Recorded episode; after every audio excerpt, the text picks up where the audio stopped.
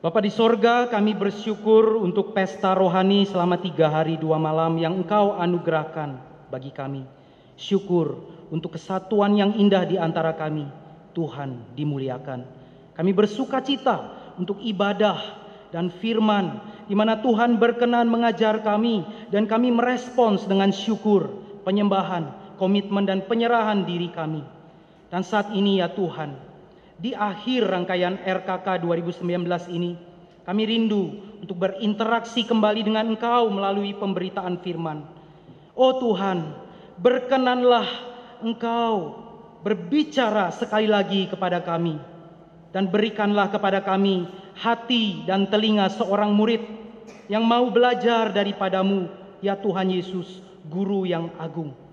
Bakarlah hati kami dengan api Roh Kudus yang menolong kami untuk bertekun dalam pelayanan pemuridan yang Tuhan percayakan kepada kami. Sehingga kami boleh menjadi abdi-abdi Kristus di sekolah-sekolah yang kami layani, di wilayah, di kota, di tengah-tengah bangsa di mana Tuhan menempatkan kami untuk menghasilkan murid-murid Kristus yang sejati. Ya Tuhan, dengarlah doa kami. Oleh karena hanya di dalam nama Yesus Kristus kami sudah berdoa dan mengucap syukur. Semua yang percaya katakan Shalom. Kita masuk di dalam sesi yang terakhir dan siang ini kita akan membahas Matius 28. Jadi dalam persiapan saya saya memikirkan beberapa pertanyaan yang saya rindu sekali untuk bagikan kepada para anggota kelompok kecil dan para pemimpin kelompok kecil pada hari ini. Nah, pertanyaan yang pertama, apakah pemuridan yang saya kerjakan itu sedang menghasilkan amanat agung? Atau apakah pelayanan yang saya kerjakan di rokris kita masing-masing atau di wilayah kita masing-masing itu adalah pemuridan seperti yang Yesus maksud di dalam Injilnya. Jika betul saya mengarah pada tujuan itu, apakah strateginya relevan? Atau sebetulnya saya hanya meneruskan tradisi. Apakah hidup saya dan AKK saya berubah? Apakah saya sedang menghasilkan murid Kristus yang dewasa dan misional atau hanya sekedar menghasilkan konsumen dari layanan kerohanian yang kita siapkan, kita kerjakan di kampus kita masing-masing. Beberapa di antara kamu bidang acara, beberapa di antara kamu mempersiapkan event-event PJ, ada acara-acara training, camp, retreat, ceramah dan sebagainya. Lalu kita berharap para customer satisfied. Lalu mereka mau vote untuk datang lagi dalam acara PJ kita atau dalam acara-acara yang kita bikin. Tapi apakah itu mencapai tujuan Kristus untuk menghasilkan murid yang sejati? Dan jikalau iya, Apakah strategi kita relevan? Kenyataannya banyak sekali PKK atau banyak sekali AKK yang mati-matian berjuang tetapi tidak mengerti apa tujuan atau esensi dari apa yang dikerjakan dan relevansinya selama ini. Jadi apa yang saya bagikan ini mungkin merupakan hal-hal yang mendasar yang kamu semuanya pasti sudah tahu tetapi jangan sok tahu. Jangan merasa sudah tahu, biarlah apa yang sudah kita tahu itu Tuhan boleh pakai ya untuk membangun generasimu di sekolahmu masing-masing. Jangan lupa klik like, subscribe, dan share ke yang lain. Ini tema kita hari ini ya. Oke, mari kita membaca Matius 28 ayat 16 sampai 20, teman-teman.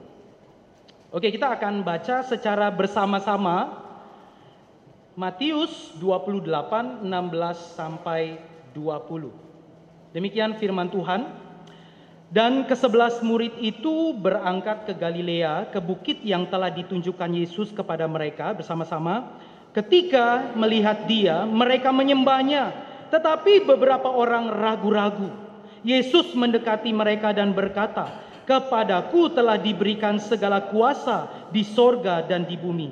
Karena itu pergilah Jadikanlah semua bangsa muridku dan baptislah mereka dalam nama Bapa dan Anak dan Roh Kudus dan ajarlah mereka melakukan segala sesuatu yang telah kuperintahkan kepadamu dan ketahuilah aku menyertai kamu senantiasa sampai kepada akhir zaman. Matius slide Matius 28 sering kali kita sebut sebagai amanat agung Kristus. Ya jadi kalau kamu dengar kata amanat ingatnya apa teman-teman? Apa? Upacara. Amanat pembina upacara. Atau apa? Pesan. Pesan terakhir. Sebelum orang meninggal, dia biasanya kasih pesan. Lalu bagi kita itu harus dilakukan. Karena itu pesan yang penting.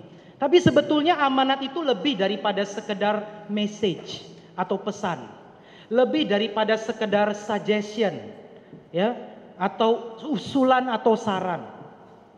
Amanat adalah commission. Ya, perintah. Itulah sebabnya kalau kita melihat di ayat yang ke-19 amanat itu adalah perintah. Pergilah, jadikanlah semua bangsa muridku, baptislah, ajarlah mereka dan ketahuilah jadi isinya adalah perintah ya. Jadi kalau kita uh, lihat ya uh, judul paling atas dari perikop atau dari pasal 28 apa teman-teman? Judul paling atas apa? Kebangkitan Yesus. Berarti perintah ini diberikan oleh Yesus yang bangkit. Bukan Yesus yang mati. Ya kalau orang meninggal ya, lagi sekarat Lalu dia pesan sama istrinya, yaitu tanah di sebelah jangan kamu ambil. Itu rumah yang ada di blok sekian jangan kamu klaim. Kenapa Pak? Karena itu bukan punya kita. Ya. Jadi pesan orang yang baru yang lagi sekarat ya itu sesuatu yang penting amanat. Nah, tapi ternyata amanat yang Yesus berikan ini amanat yang diberikan pasca kebangkitannya. Jadi memang betul Yesus yang mati. Matinya begitu tercela. Matinya seperti pecundang ya disalibkan di antara dua orang penjahat dan musuh-musuhnya merasa menang. Tetapi tiga hari kemudian luar biasa. Yesus membuat kebangkitan yang mengejutkan lawan-lawannya. Sehingga waktu murid-muridnya datang ke kubur, ya, malaikat bertanya, "Kamu cari siapa?" "Oh, saya cari Yesus." Oh dia tidak ada di kubur ini sebab dia sudah bangkit. Para pendiri agama-agama mati. Dan mereka terus mati sampai pada hari ini. Tetapi Yesus adalah Allah yang bangkit. Allah yang hidup dan Allah yang menang. Jadi perintah ini bukan sembarang perintah. Tetapi perintah yang diberikan oleh Kristus yang telah bangkit dan menang. Sekarang kita lihat outline-nya ya. Jadi kalau mau dibagi slide, ya oke. Okay. Jadi eh, bagian ini terdiri dari tiga bagian. Tetapi saya coba switch ya, yang nomor dua menjadi yang pertama. Isi perintah 19 sampai 20a. Siapa yang memberi perintah ayat 18 dan janji yang menyertai perintah ayat 20b. Ya, kita akan melihat yang pertama isi perintah Oke, sekarang coba lihat uh, Alkitabmu atau lihat slide berikut. Coba teman-teman amati, kita coba observasi ya. Di ayat 18 ini ya ada berapa kata perintah imperatif di situ? Ada berapa? Empat. Nanti kalau ayat 19 dan 20 bagian A digabung ada lima. Ya, ada kata pergilah, jadikanlah, baptislah, ajarlah, dan ketahuilah. Ya, jadikanlah, ajarlah dan ketahuilah. Ya, tetapi menarik kalau kita lihat slide berikut. Ini review saja ya, beberapa di antara kamu sudah tahu. Oke, ternyata cuma ada satu kalimat atau kata perintah yaitu jadikanlah murid. Mateteusate.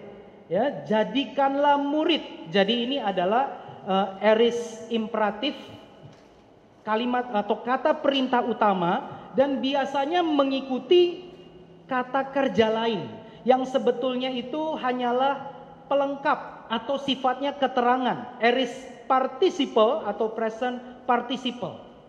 Oke. Jadi berdasarkan keterangan ini sebetulnya ada berapa perintah teman-teman? Ada berapa? Cuma satu. Jadikanlah murid di antara segala bangsa. Jadikanlah murid bagiku yaitu segala bangsa. Untuk itu kamu harus pergi apa lagi kedua? Baptislah dan ajarlah ya nanti menutupi kalimat perintah ini ketahuilah aku menyertai kamu senantiasa. Jadi tiga kata kerja lain itu adalah pelengkap sehingga kita tahu ya bahwa panggilan utama kita di Rokris, panggilan utama kita di PSKJ adalah menjadikan murid. Bukan cuma sekedar bikin event ini, event itu, camp ini, camp itu, cari dana puluhan ratusan juta menghadirkan uh, siswa-siswa teman-teman kita dari berbagai uh, sekolah, kelas, angkatan, jurusan atau mungkin di minggu-minggu berikutnya kita berpikir untuk menyiapkan acara Natal, acara HUT, training MC, training CPKK dan sebagainya. Nah, itu kita mengerti bahwa semuanya itu kita lakukan untuk menghasilkan murid. Jadi kamu harus tahu ya bahwa sebetulnya panggilan utama Allah kepada kamu dan saya adalah menjadikan murid. Para staf, para TPS ketika datang ke sekolah untuk mengunjungi, visitasi, mendampingi adik-adiknya, lalu melakukan pelayanan pribadi. Kalau ada jemaat yang mungkin ngantuk atau matanya mungkin bengkak habis nangis dideketin, dikonseling, ditanya ada apa, pergumulan apa lalu didoain. Teman-teman itu tujuannya adalah memuridkan. Ya. Nah, para murid diminta untuk pergi. Untuk apa? Jadikan murid. Baptis mereka. Baptis itu sebetulnya menunjukkan e, meterai keselamatan ya yang meneguhkan iman seseorang bahwa dia sudah menjadi milik Kristus. Baptislah mereka dalam nama Bapa, Anak, dan Roh Kudus. Dan setelah itu ajarlah mereka untuk melakukan. Nah, kamu masih ingat ya, mungkin di hari pertama Kak Alex juga menceritakan tentang uh, bagaimana Yesus melihat Simon, Andreas, ya-, Yohanes, Yakobus. Mari ikutlah aku, kamu akan kujadikan jadi memang pemuridan itu adalah proses menjadikan yang bukan murid jadi murid. Dari tadinya anak setan jadi anak Allah. Yang tadinya serupa dunia ini menjadi serupa Kristus. Pemuridan begitu teman-teman. Proses menjadikan atau proses mengubah seseorang dari anak dunia menjadi anak Allah. Jadi teman-teman kamu harus melihat bahwa ini adalah satu pekerjaan yang luar biasa pentingnya. Termasuk AKK. Jadi AKK ketika kamu mengikuti PKK ke mana pun PKK kamu pergi, apa pun yang PKK kamu ajarkan, katakan kamu nurut iya. Apa pun yang firman Tuhan katakan kamu coba melakukan pada intinya adalah kamu sedang belajar untuk diubah menjadi murid. Untuk tidak lagi berpusat kepada diri, cita-cita atau ambisimu, tetapi berpusat kepada Kristus. Dan ini sesuatu yang kadangkala abstrak. Ya, betul. Saya juga mengalami bahwa e, waktu saya ikut kelompok kecil, yang saya pikirkan itu cuma cocok-cocokin bahan, ya, jawaban. Jawaban saya apa? Jawaban PKK saya apa? Yang mungkin saya lebih benar dikit dari teman saya. Tapi jawaban PKK saya segalanya. Lalu besok pertemuan lagi. Nanti ada proyek ketaatan, evaluasi. Riko masih ngomong kotor nggak? Masih bang. Kenapa ngomong kotor? Abis gue dikatain bang sama temen. Ya, nah, kita cuma mikirnya di situ-situ aja. Tapi sebetulnya tujuannya adalah supaya kita menjadi murid Kristus. Nah, para PKK juga harus mengingat ya bahwa tujuan kamu dipanggil memuridkan adalah untuk menjadikan setiap akak kamu murid Kristus, bukan muridmu. Ya. PKK biasanya bangga ya kalau AKK-nya itu cara makannya, cara ketawanya, bercandanya, cara ngebulinya itu mirip PKK-nya. Ya. Ada PKK yang bangga karena uh, eh, AKK-nya itu bilang, uh, "Kak, kita sablon kaos bareng yuk. Kita bikin logo kelompok kecil kita." Kita ngarang lagu kak untuk kelompok kecil kita. Jadi di mana pun kita berada kita nyanyiin lagu kelompok lagu tema kelompok kecil kita begitu. Itu bagus. Itu mem memperkaya ya dinamika di dalam kelompok kecil. Tapi ada juga kelompok kecil yang suam dan dan dan sebagainya. Tapi para PKK harus mengingat bahwa kamu sedang memimpin AK kamu, mengikuti kamu seperti kamu mengikut Kristus. Ya. Jadi ini adalah panggilan utama yang Tuhan ingin kita fokus mengerjakannya. Nah itu artinya begini teman-teman. Kemarin kita udah ngomong soal kurikulum lah. Tadi kita sudah ngomong tentang bagaimana empat komponen di dalam kelompok kecil ini menunjang proses pemuridan. Oke itu baru satu aspek. Nah kalau kamu pengurus rokris. Ya, bidang ini, bidang itu masing-masing punya program. Nah, kamu yang ikut RKK sekarang kamu ngerti bahwa semua program-program Rokris haruslah selaras dengan proses menjadikan murid. Itu artinya teman-temanmu yang tidak punya kesempatan untuk dibina dalam kelompok kecil, yang nggak pernah ikut dalam mungkin stufel atau yang nggak hadir dalam RKK ini, mereka pun juga sedang dipersiapkan untuk menjadi seorang murid Kristus. Nah, mungkin kamu juga tahu ya bahwa yang namanya pemuridan itu tidak identik, tidak selalu identik dengan kelompok kecil. Karena kelompok kecil hanya salah satu metode dalam pemuridan. Ada kelompok besar, ada kelompok kecil, ada pelayanan pribadi.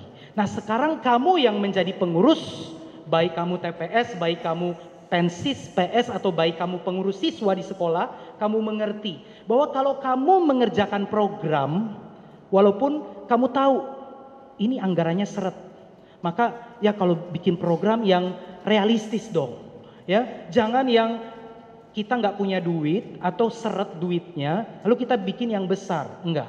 Kita coba kontekstual. Tapi kita paham betul bahwa yang sedang kita kerjakan adalah untuk menghasilkan murid. Coba kamu pikirin deh, jemaatmu dengan berbagai macam tipe yang datang ke Rokris atau yang datang ke Stufel, ya, yang selalu duduk di mungkin di arah jam 2 siang arah saya, yang selalu duduknya di situ. Yang kalau pemberitaan firman nunduk terus, ya. Yang kalau nyanyi mungkin nggak nggak excited, nggak menunjukkan gestur tubuh yang menikmati Allah. Ya, kita sedang memuridkan dia. Ya, jemaatmu yang mungkin kalau mendengar firman begitu excited ya, matanya begitu berbunga-bunga, rajin mencatat. Kita sedang memuridkan dia. Karena itu adalah panggilan utama. Makanya pergilah, baptislah dan ajarlah itu sebetulnya dalam rangka menjadi murid atau menjadikan murid. Ajarlah mereka melakukan segala sesuatu yang telah kuperintahkan kepadamu. Ya, menarik ya. Waktu Yesus bilang jadikanlah segala bangsa muridku, pergi uh, baptis, ajarlah untuk melakukan. Ini nggak ngomongin soal kognitif. Pengetahuan. Coba kamu sudah berapa sudah berapa sekolah yang membahas tentang teologi Allah Tritunggal, kristologi, soteriologi. Waduh, saya terakhir tuh diundang ke SMA 1 ya. Uh, teman-temannya lagi pipa, lalu teman-teman yang nggak ikut pipa ini ngomongin tentang doktrin keselamatan. Ya coba bayangin teman-teman. Berapa banyak knowledge yang sudah dibagikan kepada jemaatmu. Tapi jawab pertanyaan ini, kamu lagi hasilkan murid nggak? Jangan-jangan yang kamu hasilkan adalah farisi. Yang cuma bertahan dua apa tiga tahun di sekolah. Setelah itu mereka jadi mahasiswa hilang. Atau sebentar dimuridkan di mahasiswa dua apa tiga tahun setelah alumni menikah di KUA misalnya. Atau mungkin kita dengar dia sudah menjadi pejabat. Tetapi beberapa tahun ini nggak kedengeran. Oh ternyata masuk penjara karena korupsi. Tapi dulu anak rokris. tadinya ikut kelompok kecil. Tragis sekali kalau kita melihat bahwa ada begitu banyak realitas yang kita lihat, ternyata tidak semua pemuridan kita itu membuahkan hasil. Dan Yesus mengalami itu, ya. Berapa orang yang datang di bukit untuk bertemu dengan Yesus di Matius pasal 28 ini? Berapa?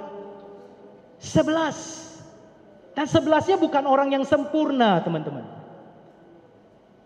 Satu udah gantung diri. Yudas. Mereka bukan orang-orang yang sempurna, tetapi kepada kesebelas orang yang tidak sempurna ini tetap Yesus memberikan perintah, jadikan murid, jadikan murid. Murid yang tahu tetapi mau melakukan. Jangan seperti apa yang dikatakan Yesus di kot, dalam khotbah di bukit. Ada dua orang sama-sama membangun rumah.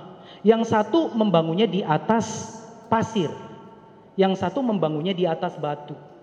Lalu sama-sama datang hujan, angin, banjir melanda, badai. Lalu apa bedanya?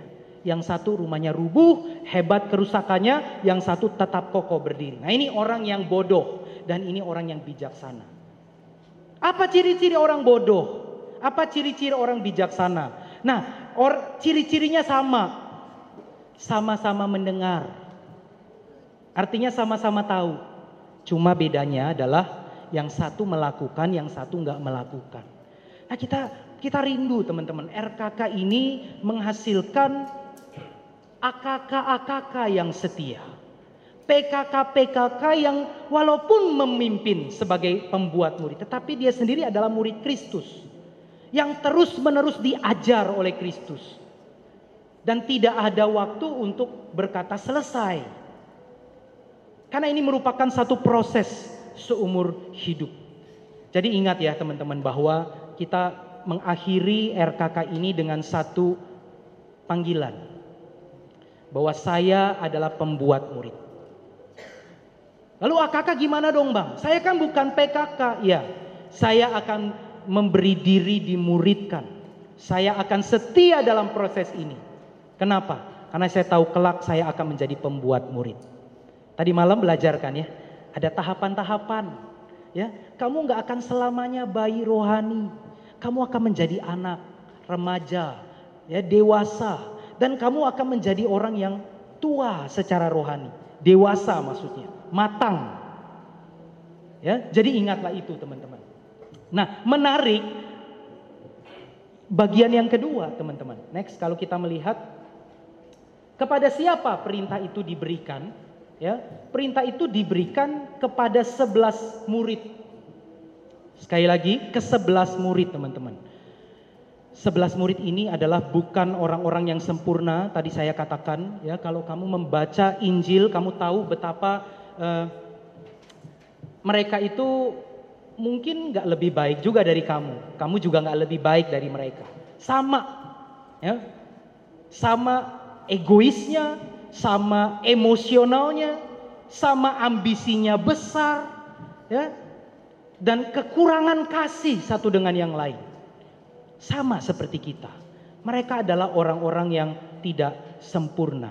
Tetapi kepada kesebelas orang murid ini, Yesus memberikan perintah ini. Saya kadang-kadang mikir ya, kenapa Yesus tidak pakai 5000 orang yang makan sampai kenyang itu? Kalau dia pikir bahwa jangkauannya adalah segala bangsa, kenapa cuma sebelas? Impossible. Ya, ke sebelas murid ini mungkin adalah orang-orang yang nggak tahu, ya, nggak pernah ke luar negeri, ya. Lingkupnya hanya Galilea di Palestina, Galilea yang kecil itu aja teman-teman. Nggak tahu Mesir di mana, Mesopotamia, nggak pernah dengar ada negeri yang namanya Roma ya nggak tahu yang namanya Spanyol, Asia kecil, apalagi Indonesia belum ada, ya Eropa. Tetapi kepada kesebelas murid ini Tuhan Yesus justru memberikan perintah yang jangkauannya adalah segala bangsa. Jadi ini adalah suatu hal yang luar biasa, yang ajaib karena Yesus tetap pakai murid untuk menggenapi misinya. Siapa mereka? Sekalipun mereka sederhana, bodoh, sekalipun mereka lemah dalam banyak hal, dan pecundang, karena pada akhirnya semuanya meninggalkan Yesus. Gak ada yang menyertai Yesus. Cuma Yohanes dan itu pun juga dia malu-malu.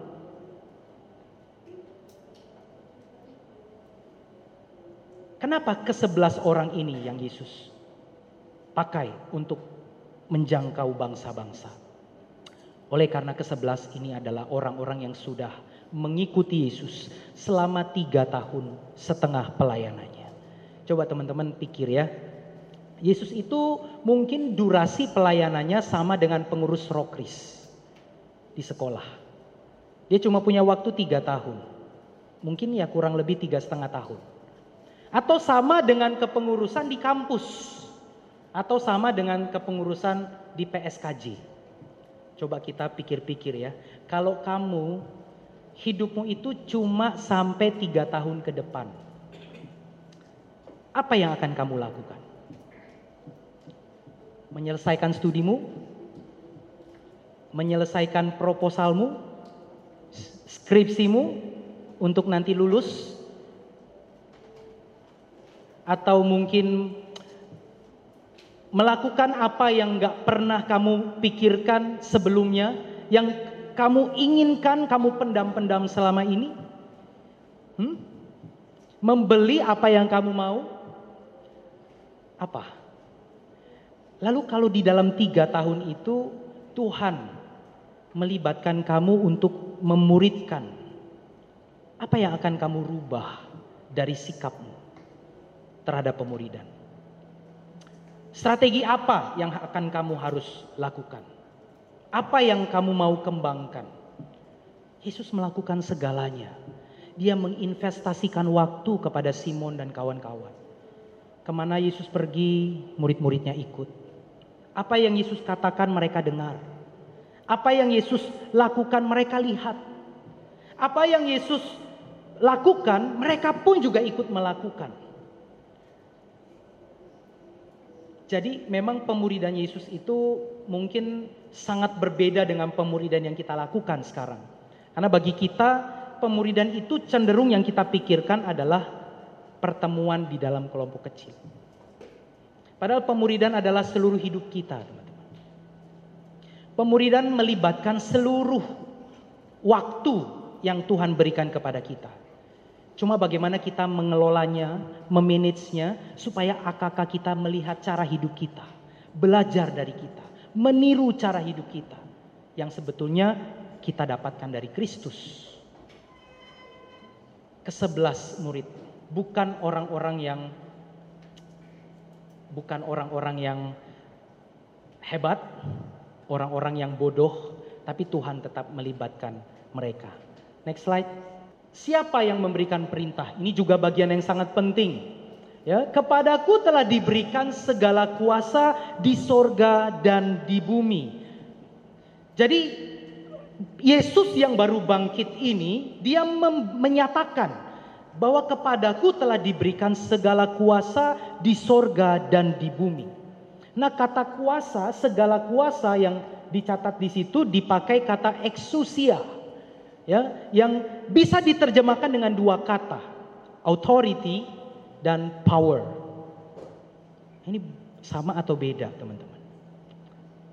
Yang dipakai di sini adalah authority, otoritas kepadaku segera uh, diberikan segala kuasa, authority di sorga dan di bumi. Ingat, Yesus mati sebagai orang yang kalah, ya, terkutuk, tercela menurut kacamata dunia. Tetapi dengan kebangkitannya dia membuktikan bahwa segala kuasa di sorga dan di bumi diberikan kepadaku. Yesus yang bangkit dan menang itu sekarang memberikan perintah kepada para muridnya. Karena itu, karena kepadaku telah diberikan segala kuasa di sorga dan di bumi. Jadikanlah segala bangsa muridku. Jadi perintah ini diberikan kepada pribadi yang berkuasa luar biasa. Kepada pribadi yang menang, yang hidup. Kepada pribadi yang telah memulai pekerjaan yang baik itu Sebetulnya pemuridan yang kita kerjakan di sekolah-sekolah, mulai dari para pendahulu kita, yang dikerjakan di PSKJ, itu bukanlah inisiatif kita. Tetapi Allah yang telah memulai pekerjaan baik itu. Dan sebetulnya ini adalah konsep yang alkitabiah. Ya karena segala sesuatunya adalah kasih karunia. Segala sesuatu adalah anugerah. Ya Filipi 1 ayat 6. Bahkan di dalam Filipi 2 dikatakan bahwa dialah yang telah memulai pekerjaan baik itu. Jadi kalau AKK kita mau mengikut kita, lalu mau mengatakan, oke okay, kak, saya mau bertumbuh. Saya mau melayani Kristus. Saya bersedia untuk dimuridkan. Tuhan yang telah mengerjakan itu dalam hatinya. Tentu kamu masih ingat ya, beberapa waktu uh, beberapa sesi yang sudah berlalu ketika Simon Petrus mengatakan Yesus bertanya ya, menurut kamu siapa aku? Engkau adalah Mesias, anak Allah yang hidup. Wah, berbahagialah engkau Simon bin Yunus. Karena bukan kamu yang mengatakannya, tetapi Bapakku yang ada di sorga. Nah teman-teman ini menunjukkan betapa pribadi yang memberikan perintah ini adalah perintah yang berotoritas. Pribadi yang berkuasa. Nah sekarang pertanyaannya dengan otoritas siapa? Kamu menjadi PKK sekarang. Otoritas staff, otoritas kakak TPS, otoritas PSKJ Depok, ya PSK Depok, bidang kakak, atau otoritas guru di sekolah? Kalau iya, berarti penyertaan mereka cukup. Ya, nanti kita ngomong tentang janji penyertaan di yang yang yang terakhir. Tetapi ini adalah perintah dari Kristus yang harusnya menjadi raja atas hidup kita dan juga pelayanan kita. Yang harusnya menjadi pusat dari iman kita. Yang harusnya menjadi sentral dari pemuridan yang kita lakukan. Dan memang Matius itu menekankan kehadiran Yesus sebagai raja ya teman-teman. Mulai dari lahir dikatakan bahwa dialah yang akan melepaskan umatnya dari belenggu dosa. Lalu setelah dia lahir dua tahun kemudian orang majus datang. Orang majus cari apa? Cari raja. Di mana raja Yahudi yang baru dilahirkan itu. Ya, dan sepanjang Injil Matius, Yesus disebut sebagai anak manusia. Anak manusia merupakan simbol dari Mesias, yaitu Raja Israel yang Tuhan janjikan memang untuk melepaskan umatnya. Dan sampai di akhir mengenai Yesus yang adalah Raja, Matius menekankan, kepadaku segala, diberikan segala kuasa, otoritas, maka dengan otoritas itu aku mengutus kamu untuk menjadikan murid. Jadi teman-teman, kita rindu ya teman-teman menghasilkan murid-murid di generasi ini oleh karena kesadaran bahwa siapa yang memberikan perintah itu, yaitu Yesus. Bukan semata-mata perintah staff atau nanti kalau evaluasi kakak kita buru-buru tuh bikin laporannya uh, dilengkapin ya kadang-kadang dibikin manis sedikit ya supaya nggak ada kritikan ya. Bukan itu. Sebetulnya kita sedang bertanggung jawab kepada Kristus yang memberikan perintah ini kepada kita dialah Tuhan dialah penebus kita dia yang telah memulai pekerjaan baik kita eh, pekerjaan baik ini dan dialah yang akan menyelesaikannya sampai pada akhirnya. Jadi teman-teman kalau kita masuk ke dalam pemuridan, kita sebetulnya masuk di dalam kategori orang-orang yang mendapatkan anugerah. Kenapa teman-teman? Karena nanti kalau kita melihat ya bahwa ke sebelas murid ini sekali lagi bukan bukan orang-orang yang hebat. Saya pernah ya eh, mendengar satu khotbah tentang eh, bagaimana nasib ya orang-orang yang mengikut Yesus ini, ke sebelas ini. Ya, Simon Petrus matinya gimana? Disalib dengan cara terbalik. Katanya aku tidak layak disalibkan dengan cara seperti Tuhanku. Andreas juga disalib. Ini bukan Andreas yang barusan WL ya. Dia masih hidup sampai sekarang. Tapi Andreas juga sama seperti Petrus. Ya, salibnya itu X. Ada catatan sejarah yang mengatakan akhirnya kesampaian juga. Aku mati dengan cara seperti Tuhanku. Yaitu dengan cara disalib. Tapi sama seperti abangnya, dia disalib X. Begitu. Yohanes, Yakobus, matinya Yakobus lebih dulu ya. Matinya gimana Yakobus? Penggal. Matius mati dia menginjili sampai di Mesir ya. E, mati juga disalib. Thomas ditombak. Beberapa murid yang lain dirajam.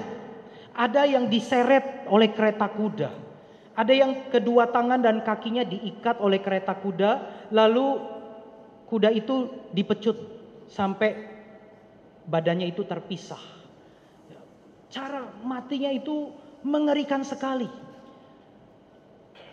Kita gimana? Aduh, gue dibohongin sama kakak gue.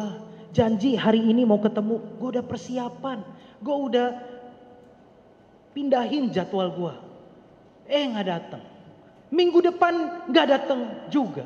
Aduh, gue korban perasaan. Ya. Baru korban perasaan. Kalau teman-teman me melihat ya bahwa murid-murid Kristus matinya begitu mengenaskan.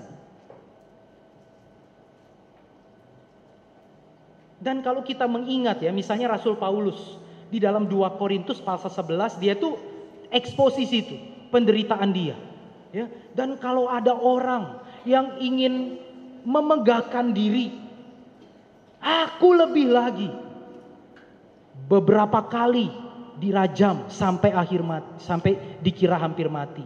Didera di luar batas, dicambuk, dipukul.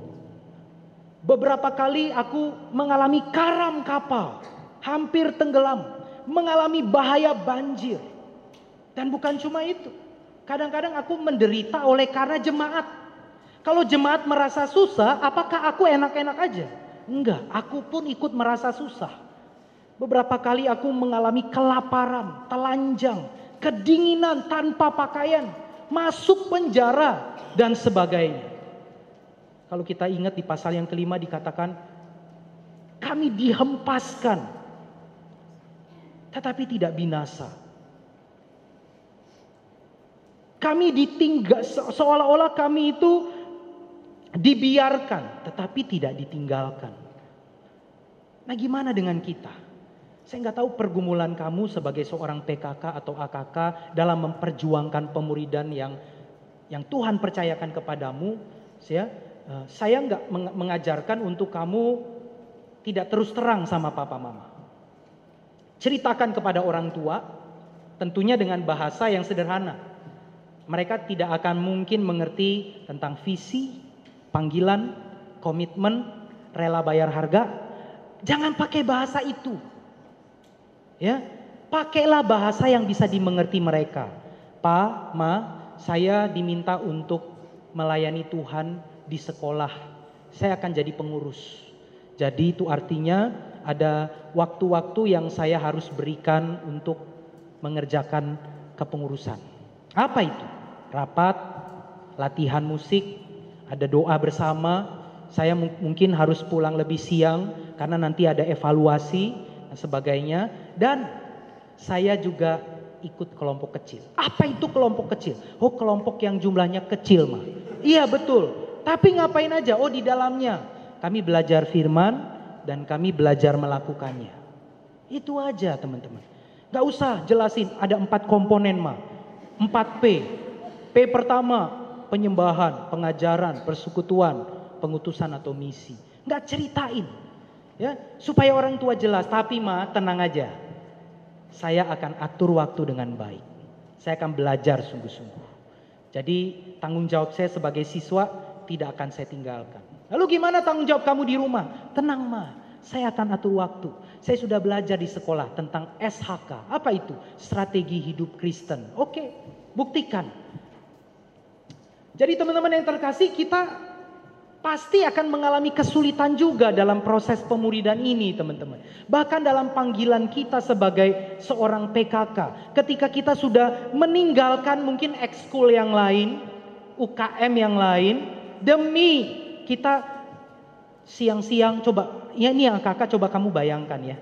Para TPS dan para PKK kamu itu Ya kadang-kadang dari kampus yang jauh mereka harus tiba sebelum pintu gerbang ditutup di sekolahmu. Supaya bisa mendampingi kamu ikut rok, apa mendampingi kamu mengerjakan PJ di sekolah. Coba bisa bayangin betapa mereka mengerjakan pelayanan yang begitu sulit dan resikonya gede. Kalau naik motor celaka gimana? Kalau misalnya naik angkot, angkotnya kebalik gimana? Jarang ya. Nggak mungkin ya. Supir angkot tuh raja di jalanan biasanya ya. Jadi teman-teman betapa besar harga yang dibayar oleh para PK kamu. Ya. Iya barusan saya juga mendengarkan kisah yang amat sangat uh, mengharukan ya bagaimana Bang Niko menceritakan apa-apa Bang saya cerita dikit aja. Bahwa penyerahannya penyerahan dirinya menjadi seorang staff itu bukannya tanpa pergumulan. Masalah kebutuhan rumah tangga ya uh, menyekolahkan anak itu kan bukan masalah yang bisa selesai hanya dengan doa dan puasa atau bahkan PA ya. Itu perlu diatasi dengan bagaimana berhikmat, bagaimana berserah penuh kepada Tuhan. Dan Bang Niko mengalami bagaimana pemeliharaan Tuhan itu sempurna sekali. Nah ini kita ngomong aja sekarang ke bagian yang uh, terakhir. Ini saya akan akhiri next. Janji yang menyertai perintah. Ketahuilah aku menyertai kamu senantiasa sampai kepada akhir zaman. Kamu ngalamin gak? Saya terharu ketika mengalami uh, mendengar sharing bagaimana Bang Niko mengalami uh, jawaban doa untuk hal-hal yang mungkin kecil. Dan itu diceritakan dengan amat sangat hidup. Pengalaman-pengalaman yang hidup kamu masih ngalamin nggak teman-teman? Para PKK ketika berjuang meninggalkan yang A, nanti Tuhan akan ganti di masa yang akan datang. Kan kita sudah PA ya. Waktu murid-murid nanya, guru kami sudah tinggalkan segala-galanya. Kami dapat apa? Oh, orang yang mengikut aku dan mengabdikan dirinya untuk pelayanan pemberitaan Injil akan menerima seratus kali lipat. Nah janji itu kamu alamin gak? Di kata-kata terakhir ini Yesus mengatakan aku menyertai kamu senantiasa sampai kepada akhir zaman. Berapa di antara PKK saat ini yang merasa bimbang? Kalau gua komit satu apa dua tahun ke depan, itu berarti sedikit waktu gua untuk ikut UKM-UKM lain yang sebetulnya kalau nanti aku dapat sertifikat itu bisa memberikan kredit yang plus ketika interview kerja. Berapa banyak PKK-PKK yang mungkin merasa begini, oke okay lah, saya waktu saya awal kali menggumulkan dengan dia, bareng dengan menggumulkan pelayanan ini, ternyata yang ini nggak serius. Lebih baik saya menunda aja jadian dengan siapa pun supaya saya bisa fokus terhadap pelayanan. Ini adalah jangan salah ya, bukan berarti kalau pelayanan nggak boleh pacaran, ya. Tetap kalau sudah pelayanan dan pacaran kerjakan semuanya itu dengan baik. Ya. Nah, tetapi kok di, di bagian ini kok pada lihat kiri kanan. Nah, tetapi yang perlu kita camkan adalah bagaimana kita boleh tetap uh, mengimani ya bahwa walaupun saya menunda beberapa hal, itu saya sedang menginvestasikan di masa mendatang. Karena Tuhan Yesus bilang apa?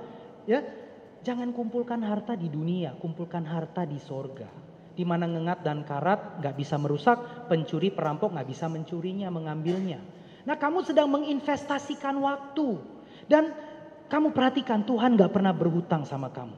Saya kenal banyak pengurus mantan pengurus PMKJ, pengurus PSKJ. Saya mengenal kakak-kakak, abang-abang staff yang rela meninggalkan apa yang terbaik Yang terbaik belum tentu ya dari Tuhan ya.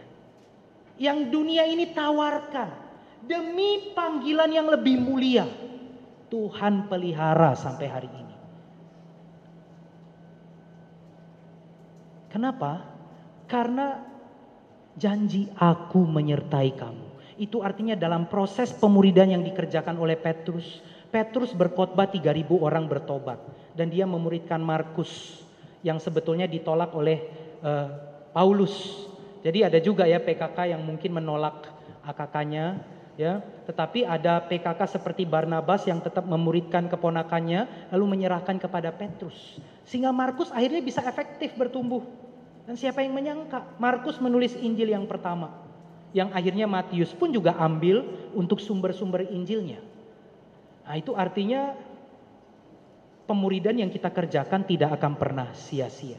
Jadi teman-teman, Yesus yang memberikan perintah ini, yang memiliki otoritas di sorga dan di bumi, dia juga memberikan janji penyertaan. Dan penyertaannya itu kekal penyertaannya sampai kepada akhir zaman. Jadi sekarang kita bisa pulang, kita bisa sama-sama menghayati. Ketika aku banting tulang, kerja keras, mengupayakan, memperjuangkan pemuridan ini supaya dihasilkan murid-murid yang militan dan misional di sekolahku, di wilayahku, di kotaku, Yesus menyertai aku. Tadi Bang Riko bilang kan, kalau yang mengutus kamu adalah staff, maka penyertaan staff cukup. Tapi karena yang mengutus kamu adalah Tuhan Yesus, maka saat kamu merasa sendirian pun, ketika kamu merasa tidak didampingi, ketika kamu merasa berjuang sendirian, kamu bisa meyakini bahwa Yesus ada di situ. Dalam proses pemuridan yang kamu sedang siapkan, bayang saya membayangkan PKK-PKK yang uh, dalam segala kesulitan membagi waktu tetap berPA. Walaupun MHB taruh katakanlah MHB, MHB bab 2, bab 3, bab 4 sudah pernah dibahas. Dia tetap persiapan ulang. Dia menyadari bahwa Yesus ada di situ. Lalu besoknya beberapa hari kemudian ketika dia duduk bersama dengan akak-akak-akaknya mulai menyapa mereka. Menunggu mereka selesai ngobrol. Udah kita mulai kakak ya. Yuk kita nyanyi satu lagu. PKK-nya main gitar. Atau kalaupun PKK mainnya nggak bisa main gitar dengan suara fals dia tetap memimpin. Ya, dia melakukannya dengan kesadaran bahwa Yesus ada di situ. Bahkan sampai akhir pemuridan, bahkan sampai akhir zaman, Yesus menyertai kamu.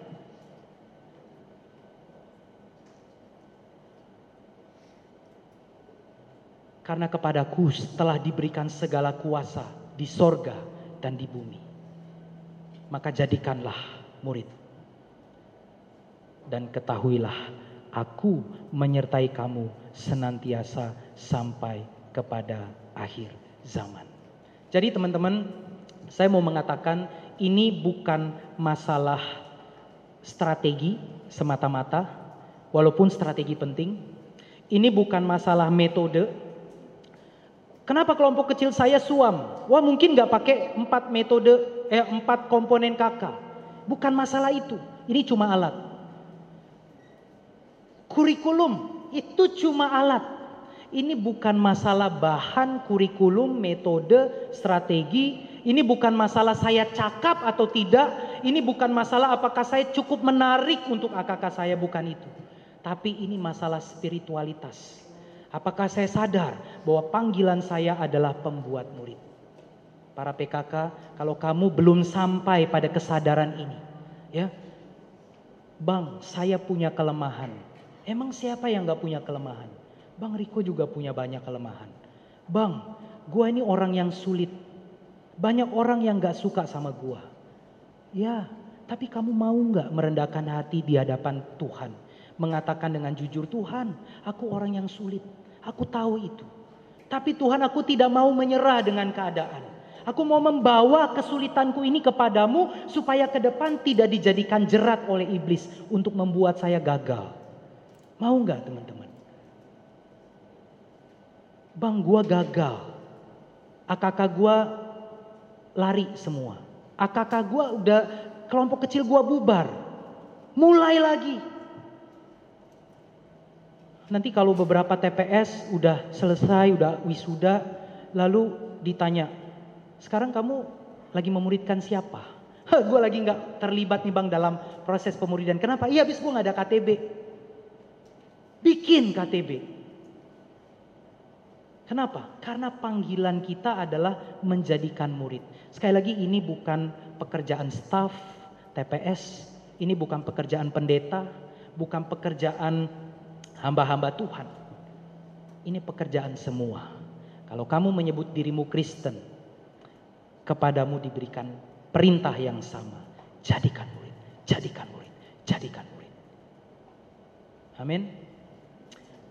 Walaupun tidak mudah, tetapi ingat janji Kristus bahwa aku menyertai kamu senantiasa sampai kepada akhir zaman. Kiranya kamu dan saya adalah pribadi-pribadi yang mengalami terus akan penyertaan Kristus yang sempurna di dalam hidup kita.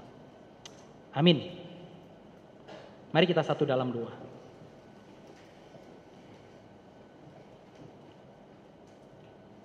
Tuhan kami hadir mewakili sekolah-sekolah dan juga mewakili pelayanan kami di PSKJ.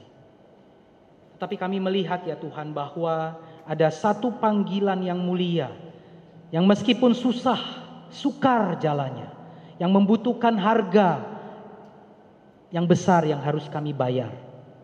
Tetapi itu adalah panggilan yang mulia. Dan engkau melibatkan kami dalam panggilan membangun kerajaan. Tuhan, kami mau taat. Kami yang lemah ini, kami yang sering kali gagal dan tidak setia. Kami yang sudah terbukti adalah orang-orang yang sulit. Mungkin PKK kami mengatakan bahwa kami tidak bisa dirubah. Mungkin pemimpin rohani mengatakan bahwa saya menyerah. Kamu tidak bisa diapa-apain. Tetapi ya Tuhan, kami mau sama-sama sadar dan kami mau taat untuk mengerjakan panggilanmu. Karena kami merindukan kebangunan rohani terjadi di dalam diri kami. Di sekolah kami. Di kelompok kecil kami bahkan di kota kami dan bangsa kami yang kami cintai ini. Ya Tuhan biarlah Engkau dipuaskan, disenangkan lewat penyerahan diri kami ini ya Tuhan. Dan kami mau melakukannya dengan tekun karena janji penyertaan Kristus, guru kami yang agung. Ini doa kami ya Bapa. Oleh karena hanya di dalam nama Tuhan Yesus kami berdoa. Amin. Oke teman-teman, jadi kalau kamu melihat nanti di slide ada dua pertanyaan yang saya rindukan teman-teman bisa memikirkan ya. Jika dalam tiga tahun itu Allah melibatkanmu dalam misi pemuridan bangsa-bangsa, sikap atau karakter apa yang harus kamu ubah atau kembangkan? Yang kedua, bagaimana dalam kesulitan, dalam hambatan, janji penyertaan Kristus ini terus kamu alami? Apa bagianmu? Ambil waktu 1-2 menit untuk memikirkan, setelah itu saya serahkan kepada MC.